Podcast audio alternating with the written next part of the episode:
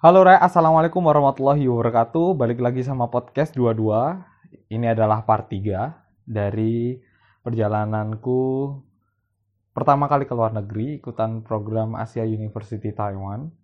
Di sini aku bakalan jelasin soal pengalaman gimana sih keseruan gitu buat anak desa yang dulu cuma bisa ngimpi bisa keluar negeri tapi alhamdulillah akhirnya bisa keluar negeri yang pertama aku mau cerita aja sih masalah soal dana. Karena emang susah buat buat ya ya nggak munafik keluar negeri itu memang mahal. Tapi teman-teman bisa nyari banyak celah untuk bisa. Setidaknya walaupun itu mahal kalian bisa ngepres gitu ya ibaratnya. Biar bisa lebih hemat atau lebih kecil dana yang dikeluarkan apalagi dulu karena memang ini perjalanan ke Taiwan di mana itu juga le jauh lebih mahal daripada kalau seandainya kita ke negara-negara ASEAN. Jadi dulu masalah soal dana ini memang jadi apa ya hal yang bener-bener masalah besar buatku. Bahkan aku dulu sempat mau nyerah buat bisa ke sana. Karena kalau nggak salah dana yang aku butuhin buat ke sana sekitar 10 jutaan itu termasuk soal pesawat kemudian visa ngurusin makan dorm dan lain sebagainya termasuk jajan dan biaya buat oleh-oleh kayak gitu.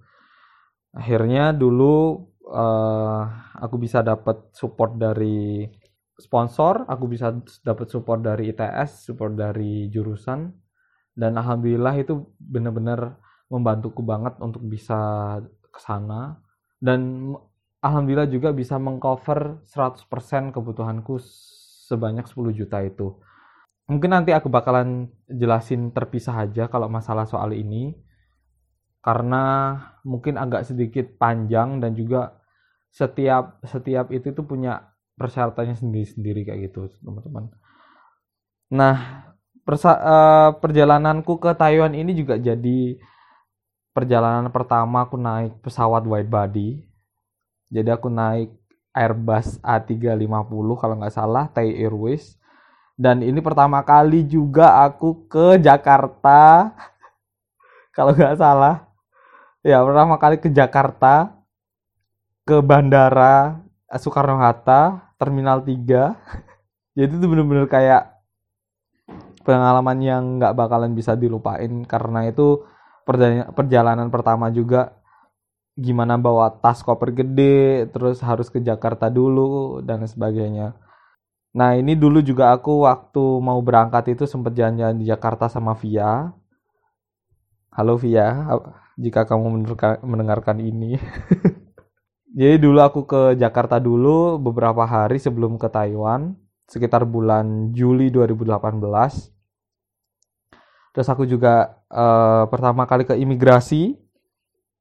Gimana ngerasain imigrasi, hak ribetnya, masya Allah itu udah part yang paling ngeselin kalau seandainya kalian keluar negeri kalau karena kalian harus berurusan dengan ya kalian harus nyopot inilah sepatu kalian harus nyopot apa uh, jaket nyopot sabuk dan sebagainya. Dan itu bener-bener kalau kalian nggak pernah atau maksudnya first timer kayak aku dulu itu bener-bener kayak ya segininya juga ya security-nya kayak gitu terus juga waktu aku ke Taiwan itu pertama kali masuk di imigrasi Taiwan itu sempat agak lama.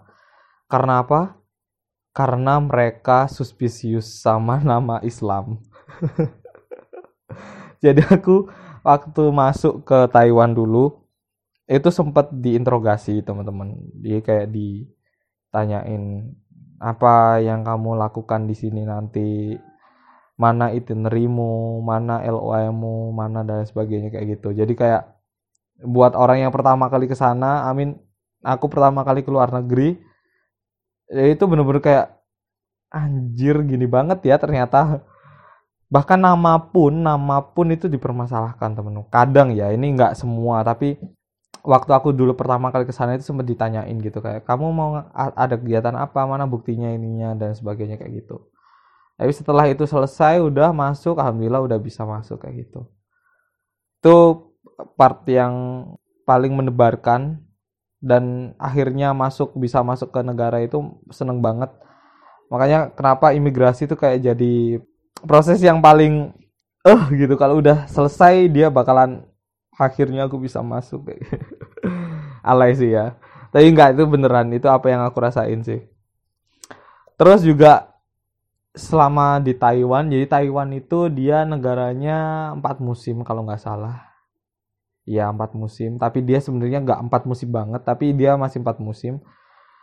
Dia waktu aku dulu, dulu datang ke sana itu dia summer jadi panasnya masya Allah. Dia jadi pas waktu dulu aku sebelum ke Taiwan itu pernah merasa kayak ah summer itu enak kok. Paling juga kayak Surabaya panas-panas gitu tapi ternyata enggak enggak enggak panasnya itu enggak kayak di Surabaya. Tuh panas. Panas aku panas gue. Ya apa ya? Bener-bener kayak kalian di oven jadi kayak kalian keluar rumah itu berasa kayak semua sekujur tubuhmu itu merasakan panas kayak gitu. Jadi beda sama panas yang cahaya matahari yang kena ke kalian terik gitu enggak. Itu bener-bener masuk ke dalam dan humid kayak lembab gitu. Jadi kalian mau ngapa-ngapain itu juga nggak enak. Dan ya itu itu pertama kali ngerasain oh ternyata summer itu kayak gini ya. Ya beda sama itu. Terus Taiwan itu juga negaranya kan Chinese ya jadi banyak orang di sana itu makan babi dan hampir 99,9% semuanya di sana itu babi jadi kalau ditanya itu kamu di sana makan apa nggak tahu nggak tahu aku udah kayak kalau dibilang kamu makan babi ya di sana, kemungkinan sih iya. Pasti 90 per 99 persen kayaknya iya. Karena karena makanan ya kita nggak pernah tahu kan. Maksudnya uh, itu itu itu mengandung babi atau enggak ya pasti untuk muslim kita harus benar-benar jaga gimana caranya kita nyari makanan yang halal. Jadi aku beberapa kali tuh makan makan uh, Indomie aku bawa Indomie dari sini aku uh, makan roti aku juga makan vegan tapi beberapa kali juga makan beberapa beberapa makanan di sana kayak di Sevel dan sebagainya kayak gitu jadi ya udah walau alam pokoknya mangan dan pokoknya nggak ada babi. Pokoknya tanya dulu sama petugasnya ya kalau bisa nggak ada babi kayak gitu. Terus juga di Taiwan itu sangat jarang banget ada musola. Masjid itu cuma ada satu di di kota. Jadi aku pernah dulu itu sholat di taman sama Via sama Gilang jadi sholat bener-bener sholat di taman terus diliatin orang gitu. Itu udah udah kayak uh, pengalaman pertama keluar negeri terus habis kayak gitu jadinya kayak ya Allah enak rek urip nang Indonesia itu enak beneran. Jadi kayak di sana kalian bisa muhasabah diri bisa introspeksi bahwa sebenarnya Gusti Allah di sini udah ngasih banyak banyak nikmatan buat kita kayak gitu. Buat ibadah buat makan buat apa pun itu udah enak. Terus di sana juga harus ngelimit duit karena sekali makan itu sekitar 50 ribu 50 100 150 ribu sekitar segitu. Dan juga harus pilih-pilih kan jadinya kayak kadang kadang juga nyari makanan yang murah tapi ada babinya semua makanan mahal juga duit habis kayak gitu kan jadi ya udah harus harus pinter-pinter kayak gitu terus di sana juga banyak banget orang Indonesia teman-teman karena ya you know di sana banyak pekerja migran worker TKI TKW gitu banyak banget. Bahkan ada juga warung-warung Indo. Jadi di sana itu ada jual bakso, jual mie ayam, jual rendang, jual gado-gado, jual apa pun yang ada di sate. Itu semuanya ada di sana, tapi harganya sekitar 100.000 sampai 150.000 per porsi dan itu porsi yang benar-benar biasa yang kayak di sini harga 10.000. Gila. Dia itu Terus habis itu di sana aku juga di Asia University Taiwan itu aku belajar beberapa hal banyak ada karena courseku itu creative and apa ya creative and cultural industry jadi uh, kita belajar soal desain kita belajar soal culture soal budaya Taiwan. Kita beberapa da kali datang ke beberapa museum. Jadi sebenarnya cukup cukup cukup asik sih di sana karena kita bisa juga ngelihat industri kreatif di Taiwan kayak gimana sih.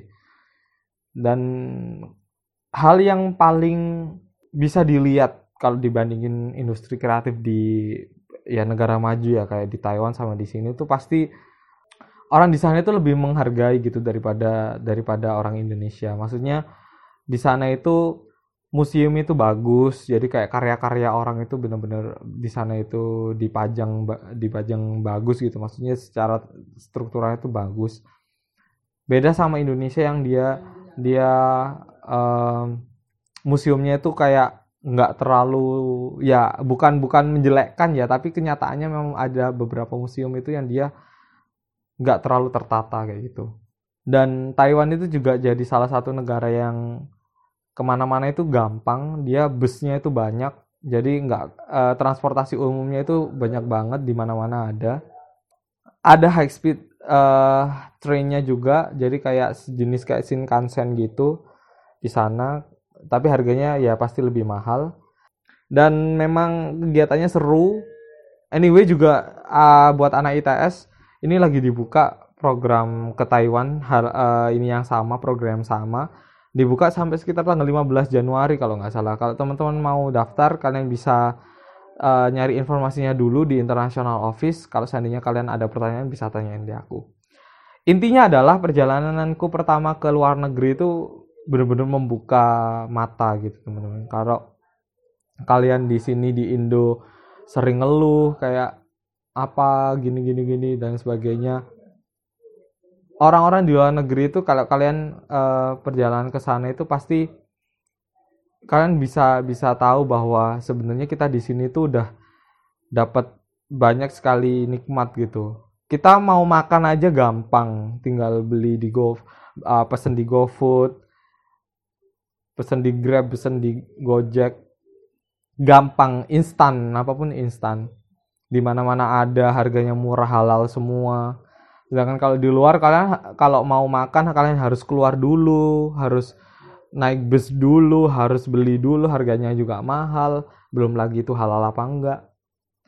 Kayak gitu. Jadi ya kalau kalian punya kesempatan buat keluar negeri itu benar-benar bisa mengubah perspektif kalian teman-teman karena apa yang kalian lihat di sini itu pas apa ya di di negara lain itu pasti dia punya hal-hal yang bisa mengingatkan kita lagi gitu loh.